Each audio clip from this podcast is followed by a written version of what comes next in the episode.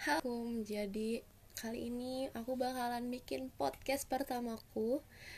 Uh, gimana ya?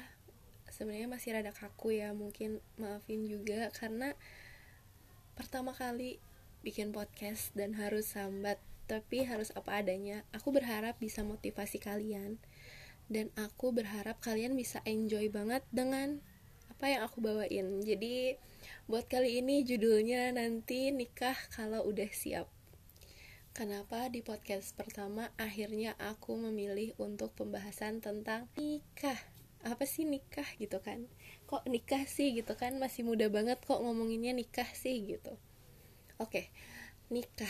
Nikah itu kalau menurut aku pribadi tuh kayak hal yang bakalan kita lakuin kalau aku tuh pengennya yang sekali seumur hidup udah gitu dan kalau misalkan sesuai agama kalau nggak salah yang aku baca-baca kemarin dari web Islam NU itu nikah itu adalah uh, uh, apa ya lupa tentang orang yang bersatu untuk bersama. Maksudnya bukan bersama. Jadi intinya nikah tuh kayak aduh bingung ya deh ngomongnya. Udah deh kita omongan yang chill aja lah ya nggak usah yang bawa-bawa bawa-bawa banyak pihak. Ya jadi nikah aku ini dalam beberapa hari terakhir banyak bukan gimana ya ada beberapa tawaran dari para lelaki untuk menikah gitu. Tapi gimana nih ngomongnya? Aku sebenarnya bukan mau curhat tapi lebih kayak kita ngobrol santai aja jadi nikah itu kan sebenarnya hal yang sakral ya. Dan akan kita lakukan dengan satu orang sampai kita mati gitu loh. Kenapa? Kalau dibilang udah ada yang ngajak nikah kok nggak diterima. Sedangkan kalau orang-orang yang tahu aku tuh kayaknya aduh nih udah wife able banget udah wah sifat keibuannya ada gitu. Tapi kenapa sih kok nggak nikah nikah aja gitu kan? Nggak. Jadi aku tuh kayak punya trauma sebenarnya.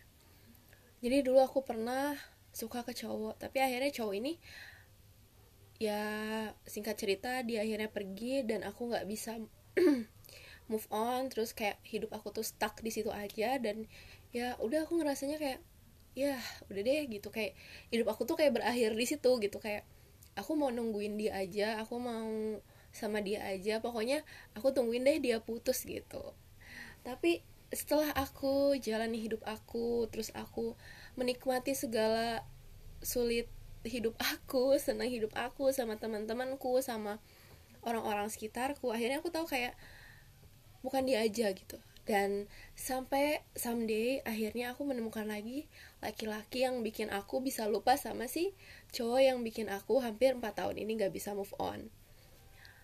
Tapi ternyata ceritanya mirip-mirip. Walaupun uh, jaraknya deket ya maksudnya kita dekat tuh dengan waktu yang sebentar gitu.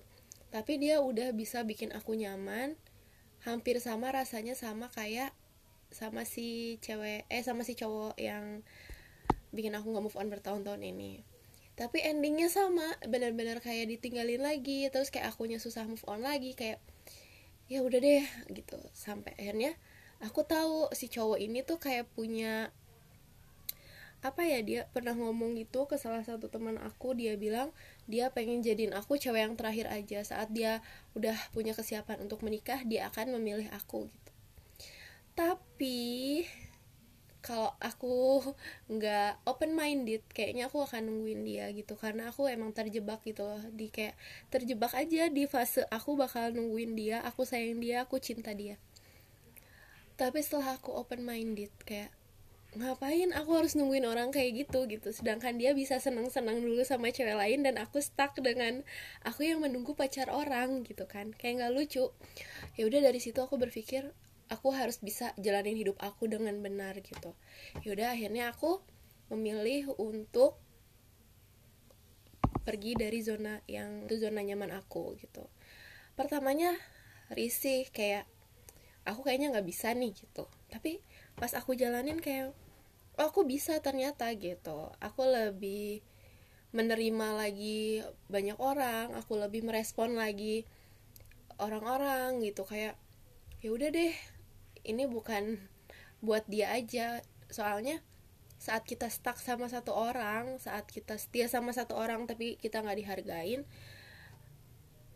someday dia datang lagi dia tuh akan seenaknya gitu. Karena dia ngerasa selama ini aja lo nungguin gue gitu. Ya terserah gue gue mau pergi juga pas gue balik lagi lo pasti nerima gue. Pasti dia berpikiran seperti itu. Jadi aku mikirnya kayak ya udah deh aku harus bisa nih tanpa dia karena dia aja bisa tanpa aku. Aku nggak usah mikirin perasaan dia lagi. Aku nggak usah apa ya nggak usah care lagi sama dia. Karena toh dia nggak care juga kan sama aku. Ya udah akhirnya aku memilih untuk mendewasakan diri. Karena kalau yang kenal aku mereka tahu banget aku itu moodnya jelek banget terus kayak kemudian maksudnya. Terus kayak apalagi ya? Aku tuh paling susah. Kalau misalkan aku udah gimana ya? Kayak aku udah ada satu orang ya udah aku mempertahankan sekali orang ini gitu loh. Nah jadi ya udah dari situ aku belajar untuk move on. Nah dan aku tuh selalu kayak uh, kalau kemarin ya aku tuh setiap sholat doanya selalu yang kayak ya Tuhan aku maunya si A misalkan. Ya Tuhan jadikan si A lebih baik supaya bisa sama aku supaya kita bisa sama-sama menjadi dua insan yang lebih baik gitu kalau dulu. Tapi setelah aku pikir-pikir lagi kenapa aku selalu berdoa terlalu egois? Karena dan sekarang tuh doa aku udah mulai aku rubah jadi jadi aku minta yang terbaik darimu karena yang menurutku baik belum tentu terbaik di matamu. Jadi emang semuanya harus dirubah dari pola pikir kita dari diri kita dari gimana cara kita ngehadapin hal-hal yang aduh kayaknya aku nggak bisa gitu. Padahal bisa emang harus bisa gitu. Ya udah kita udah beres nih pembahasan kenapa aku akhirnya udah udah mencoba untuk maju ke depan nggak bakal menatap masa lalu. Karena masa lalu itu bukan buat dilihat lagi untuk didatengin lagi tuh bukan. Tapi dia cuman buat dijadiin pelajaran. Even kenangan juga kenangan itu ya udah gitu. Kita mungkin ke suatu tempat ke tempat itu pernah ada hal yang menarik sama dia atau berkesan sama dia ya udah. Ya udah cukup kayak oke okay, dulu aku pernah ke sini sama dia dan ya udah gitu aja nggak usah diam terlalu dipikirin. Walaupun kangen oh ya nih tips dari aku saat kita kangen masa lalu kita. Jangan terlalu dipikirin banget kangennya. Maksudnya saat kita mikir kayak aduh kok tiba-tiba kangen ya? gitu. Hal yang paling pertama harus dilakuin itu adalah doain dia. Bukannya so baik tapi kayak saat kita mendoakan orang itu ya udah kita tenang. Kita bukan orang jahat loh. Kalau misalkan aku nih ya sebagai cewek sorry aku sebagai cewek aduh ya Tuhan aku sebagai cewek nggak mikirin perasaan orang lain nih si cowok udah punya cewek ya. Terus aku bilang nih ke cowok ini aku kangen kamu gitu. Even cuma untuk mengungkapkan doang nggak niat mau jadi pelakor atau apa. Tapi kita harus bisa jaga perasaan cewek itu. Jadi untuk menghindari permasalahan mending kita ucapin dalam doa aja gitu. Doain dia jadi orang yang baik dan menemukan sesuatu yang lebih baik gitu. Itu yang pertama. Yang kedua tentang ajakan nikah yang aku dapat. Kenapa sih kok nggak nikah aja gitu? Toh orang-orang yang ngajak nikah ini bisa dibilang mereka dalam segi materi udah ada. Dalam segi agama mereka bagus terus dalam apalagi ya? Ya pokoknya dia mereka tuh udah laki-laki yang mapan baik juga. Kenapa sih nolak gitu? Pertama karena belum ada klop maksudnya aku belum menemukan sisi di mana aku harus menerima mereka. Maksudnya kayak gini ya kita menikah sekali seumur hidup dengan orang yang sama sampai kita mati. Bayangin kalau misalkan uh, kita nggak klop kita cuman kayak aku cuman kasihan nih sama dia. Ya walaupun banyak yang bilang cinta bisa numbuh seiring berjalannya waktu ya tapi kan nggak bisa kayak gitu. Saat kita nerima pertanyaan mau nggak nikah sama aku? Tapi kalau hati kita ragu misalkan ada aduh kalau misalkan gini kalau misalkan gitu mending bilang enggak kalau di hati kalian ada kata-kata kayak gitu karena itu tuh udah kayak satu petunjuk yang jelas banget. Karena kalau misalkan emang kalian udah menemukan seseorang yang pas saat mereka bilang mau nggak nikah sama aku atau will you marry me? pasti kita tuh yang mau hati pikiran bibir tuh nggak akan yang bisa ngerem bilang yes I do atau iya aku mau. Kita itu tuh pasti bakalan langsung terlontar dengan sendirinya. Karena kita menemukan oh, ini nih orang yang bakalan nemenin aku sampai tua. Ini nih orang yang bakalan bimbing aku gitu loh. Dan dari mereka semua ini belum ada yang bikin aku merasa seperti itu gitu.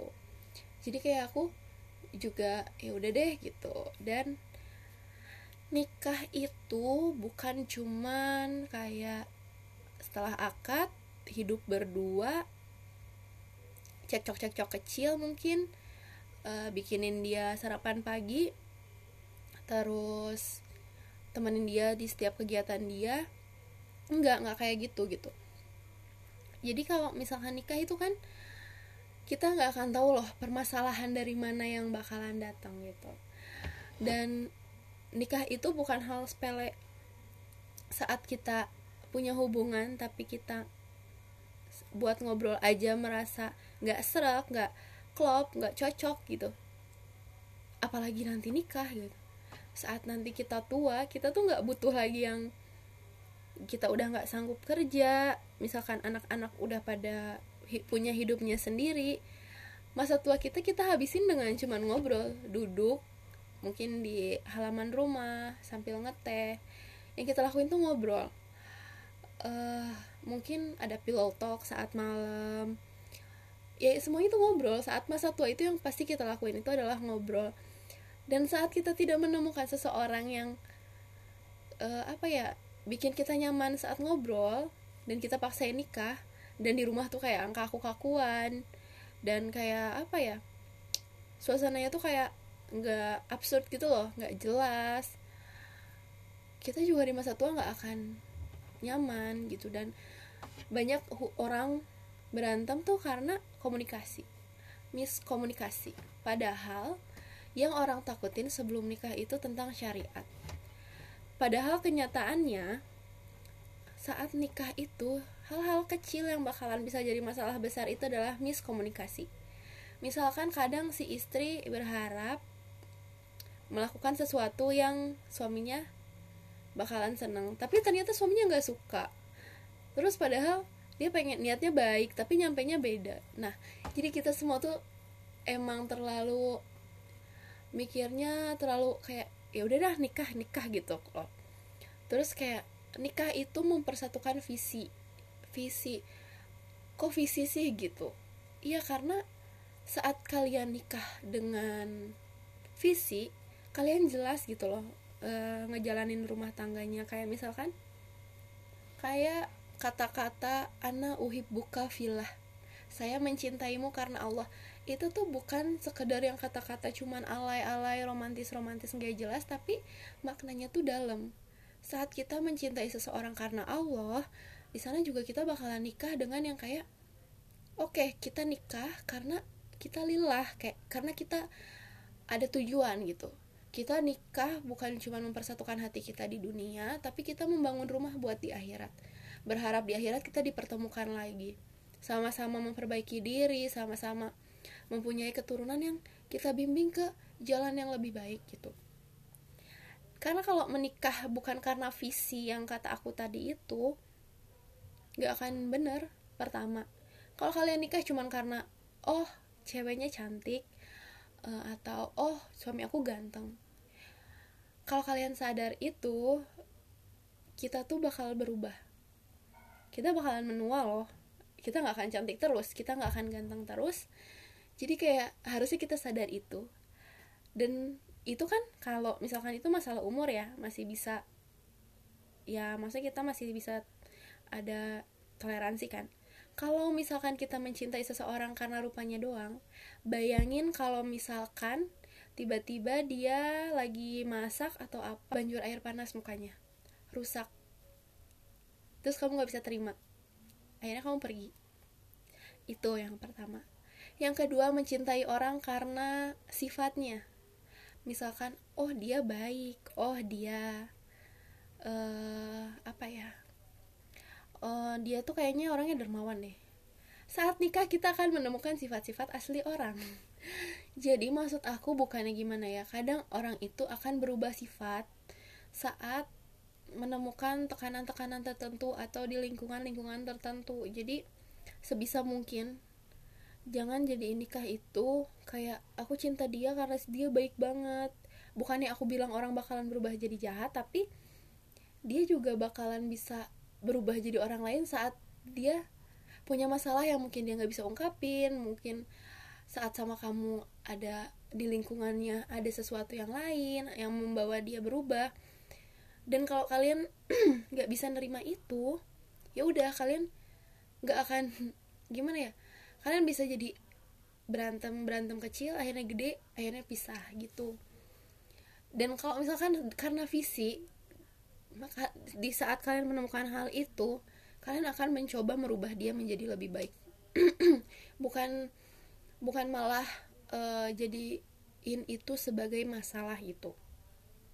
Terus yang setelah yang itu yang ketiganya menikah karena yang pertama kan menikah karena fisik kedua karena sifat yang ketiga karena kekayaan atau materi atau apa pun itu. Kalau kalian sadar akan hal yang kayak uh, apa sih? Hidup itu roda kadang di atas kadang di bawah kalau kalian cuma sekedar ya nanti juga ada masanya kok kita jaya atau ada masanya kok nanti kita susah gitu ya. Tapi kalau kalian mencintai seseorang karena materinya doang kalian tuh pasti akan sangat-sangat gak terima saat misalkan ada misalkan nih si cowoknya pengusaha tiba-tiba usahanya ditipu orang uangnya dibawa kabur akhirnya kalian harus pindah ke kontrakan kecil dan gak bisa liburan ke mana ke mana ke mana atau ada beberapa uh, barang kalian atau mungkin uh, perhiasan nikah kalian yang dijual kalian gak akan bisa terima itu. Tapi kalau misalkan kalian menikah karena visi karena misalkan visinya lillahi ta'ala pasti kalian mikirnya gini ya udah nggak apa-apa rezeki di tangan Allah ya udah kita jalanin. Mungkin Allah rencananya kayak gini kita jalanin bareng-bareng gitu. Pasti kayak gitu. Jadi emang menikah itu butuh visi yang sama dulu. Kalau misalkan kalian cuma nikah karena ngebet nggak jelas atau karena umur yang mengejar umur yang kayak aduh aku harus udah nikah nih umur aku udah 25 atau udah 26 gitu. Emang sebenarnya nggak bisa sih. Kalau misalkan kalian belum siap mending nikmatin dulu aja waktu main kalian waktu happy happy kalian. Karena kalau segala sesuatu yang dipaksain itu nanti kalian nggak akan bisa nggak akan bisa bertahan lama gitu. Dan itulah yang bikin aku merasa kayak ya udah deh gitu. Aku akan mencari seseorang yang klop. Aku nggak bilang melarang untuk menikah muda tapi kalau emang kalian pengen nikah muda yakinin dulu hati kalian siapin dulu mental kalian terus pelajari dulu sikap anak-anak kalian sampai mana sih gitu kalian bisa dewasa sampai mana kalian bisa menanggapi masalah dengan baik dan benar gitu. Dan pelajari juga tentang anak-anak karena kebanyakan orang yang nikah muda itu baby blues. Mereka memutuskan untuk menikah muda tapi mereka belum siap punya anak. Jadi mending uh, persiapkan mental persiapkan hati dengan teguh dulu karena nikah itu kan emang buat umur sekali seumur hidup kan. Jadi mending ya udah deh jangan terlalu terburu-buru. Kalau misalkan udah menemukan seseorang yang pas kalian juga bakalan uh, apa ya kalian bakalan tahu kok itu maksudnya kalian bakalan langsung yang kayak oke okay, saya nikah tahun ini atau umur segini gitu. Kalau misalkan kalian nikahnya cuman karena pengen buru-buru atau karena teman-teman udah banyak yang nikah aduh mending jangan pokoknya jangan deh soalnya sayang aja misalkan kalian memutuskan nikah muda ternyata dengan orang yang salah maksudnya bukan salah ya gimana ya mungkin? Dia mungkin udah baik tapi ternyata kalian menemukan seseorang yang lebih klop. Maksudnya sama si orang ini kalian pas kemarin nerima tuh kayak uh, gimana ya nikah nggak ya nikah nggak ya gitu. Ada rasa kayak gitu. Tapi pas nanti kalian mungkin kerja atau ke mana tiba-tiba menemukan seseorang yang klop. Yang kalian tuh kayak ada yang sama nih sama dia atau gimana. Jangan sampai penyesalan itu datang setelah kalian menikah karena itu aduh ya Allah itu bakalan bikin kalian uh, nyesel kayak aduh kenapa harus nikah kemarin gitu. Jadi aku pengen kalian tuh lebih open minded aja sebelum nikah karena nikah itu hal yang benar-benar sakral menurut aku. Aku juga kalau ditanya pengen nikah ya pengen sebenarnya cuman masih belum menemukan seseorang yang bisa bikin aku oke okay deh aku nikah. Belum. Jadi mending sekarang sama-sama mantapkan hati perbaiki diri sih. Kalau aku pesennya itu aja. Terus juga buat kalian-kalian nih misalkan yang mau memulai hubungan ya. Misalkan kalian dekat sama cowok atau cewek udah ngerasa nyaman uh, terus ke mana-mana berasan berdua terus. Dan tapi kalian nggak tahu nih kita tuh apa sih gitu. Kita ini gimana sih? Uh, mending dikasih bukan dikasih penjelasan. Jadi kayak minta penjelasan kita nih mau ke mana? Kalau emang temenan ya udah temenan aja. Jangan sampai keluar dari zona itu gitu. Kalau emang mau buat hubungan mau hubungan apa dulu nih? Kalau sekedar pacaran mending gak usah. Kalau misalkan emang mau serius ya udah kita komitmen kita bikin peraturan kayak misalkan oke okay, aku komit sama kamu tapi kita nggak yang uh, gimana ya nggak yang berstatus bukan nggak berstatus ya gimana ya terserah sih kalian mau komitmen dengan pacaran atau nggak pacaran terserah cuman kayak kalau menurut aku kalau orang udah komit entah dia pacaran atau nggak pacaran kalau orang itu memegang komitmen dia dia nggak akan macam-macam gitu dan kalau kalian tahu semakin tinggi hmm, kecerdasan seseorang semakin tinggi juga rasa setia mereka. Jadi kalau misalkan kalian menemukan orang-orang yang selingkuh kemungkinan mereka tuh nggak pinter. Coba deh perhatiin gitu aja. Jadi kita tuh bisa ngeliat orang kayak gitu. Terus juga tentang oh ya selingkuh. Buat kalian yang pernah selingkuh aku sangat kasihan ya dan buat kalian yang mau diselingkuhin aduh kalian bego banget. Dan buat kalian yang diselingkuhin kalian orang hebat. Dan aku berharap orang-orang yang diselingkuhin gak pernah nerima lagi yang pernah nyelingkuhin dia. Karena selingkuh itu kalau menurut aku tuh kayak penyakit gitu. Saat kita udah selingkuh atau mencoba untuk selingkuh itu akan keterusan. Keterusan. Nggak akan berubah. Itu kayak sifat jadi watak yang jadi gimana ya? Kalau kata orang Sunda tuh nerep nerep aku nggak ngerti sih. Pokoknya yang kayak ya udah gitu. Kayak selingkuh tuh kayak passion jadinya. Kayak kalau kalian punya hubungan gemes aja gitu kalau nggak selingkuh kayaknya. Nah mending dirubah. Dirubah dulu sebenar-benar kalian kayak kalian menemukan orang yang bikin kalian berubah. Tapi setahu aku ya orang yang suka selingkuh dia dikasih bidadari aja masih cari yang lain gitu. Ngerti kan? Jadi emang untuk hubungan tuh sebenarnya nggak usah dibawa terlalu berat. Tapi kalau dipikir-pikir ini tuh salah satu hal yang rumit menurut aku. Jadi mending kita chill jalani hidup temukan pasangan yang tepat karena saat kita udah menemukan seseorang yang tepat kita nggak akan ragu. Jadi ya udah. Life must go on. Kenapa sih seorang baby Shafira selalu bilang life must go on? Kayak gak ada kata-kata lain. Ya karena aku yakin banget saat kalian udah bilang life must go on yang benar-benar dari hati dari uh, mental kalian yang kayak udah nih gue bisa maju gue bisa jalan tanpa dia gue bisa tanpa dia gue harus mencari seseorang yang pas dan gue harus menjalani hidup gue tanpa berpikiran masa lalu gue yang gak jelas itu kalian bakalan ngerasa hidup kalian lebih tenang. Dan satu lagi yang aku pesenin dari semua hal yang aku omongin kalian itu harus selalu menyertakan Tuhan. Ya karena cuman Tuhan sih yang tahu segala sesuatu yang baik buat hambanya. Karena aku pernah ada di posisi aku ragu banget ragu banget. Ya emang aku gak aku jujur aku nggak nggak ada sholat istihoroh atau tahajud atau gimana enggak cuman di setiap sholat wajib aku aku yang selalu berdoa ya Allah kalau misalkan dia emang bukan buat aku jauhin. Aku nggak mau uh, apa ya terlalu terjebak lama di sesuatu yang nggak pasti selang tiga hari aku rajin doa kayak gitu di setiap sholat subuh uh, zuhur asar maghrib isya setiap hari.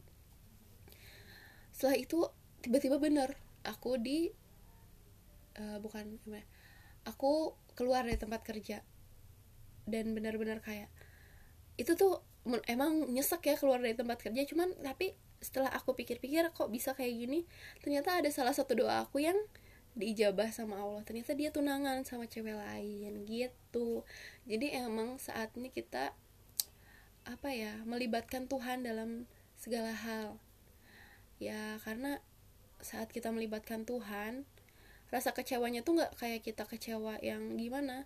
Mungkin kecewanya cuma sebentar mungkin sedih ya karena manusiawi dong. Saat kita suka sama seseorang ternyata orang itu malah sama orang lain kan ya. Nah jadi mending melibatkan Tuhan dalam segala hal gitu. Ya mungkin buat pembahasan kali ini aku bahas gini dulu karena aku masih bingung dan kayaknya ngomong aku berbelit-belit kayak dari depan eh udah maju ke depan terus kayak balik lagi ke belakang. Jadi mungkin aku bakalan upload di setiap hari uh, Rabu.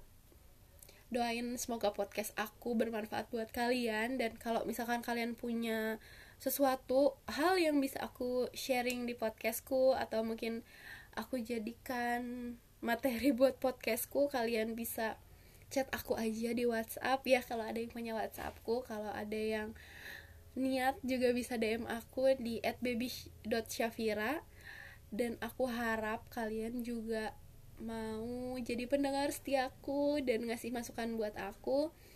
Aku juga minta saran dan kritiknya buat aku dan jangan bosen-bosen dengerin aku.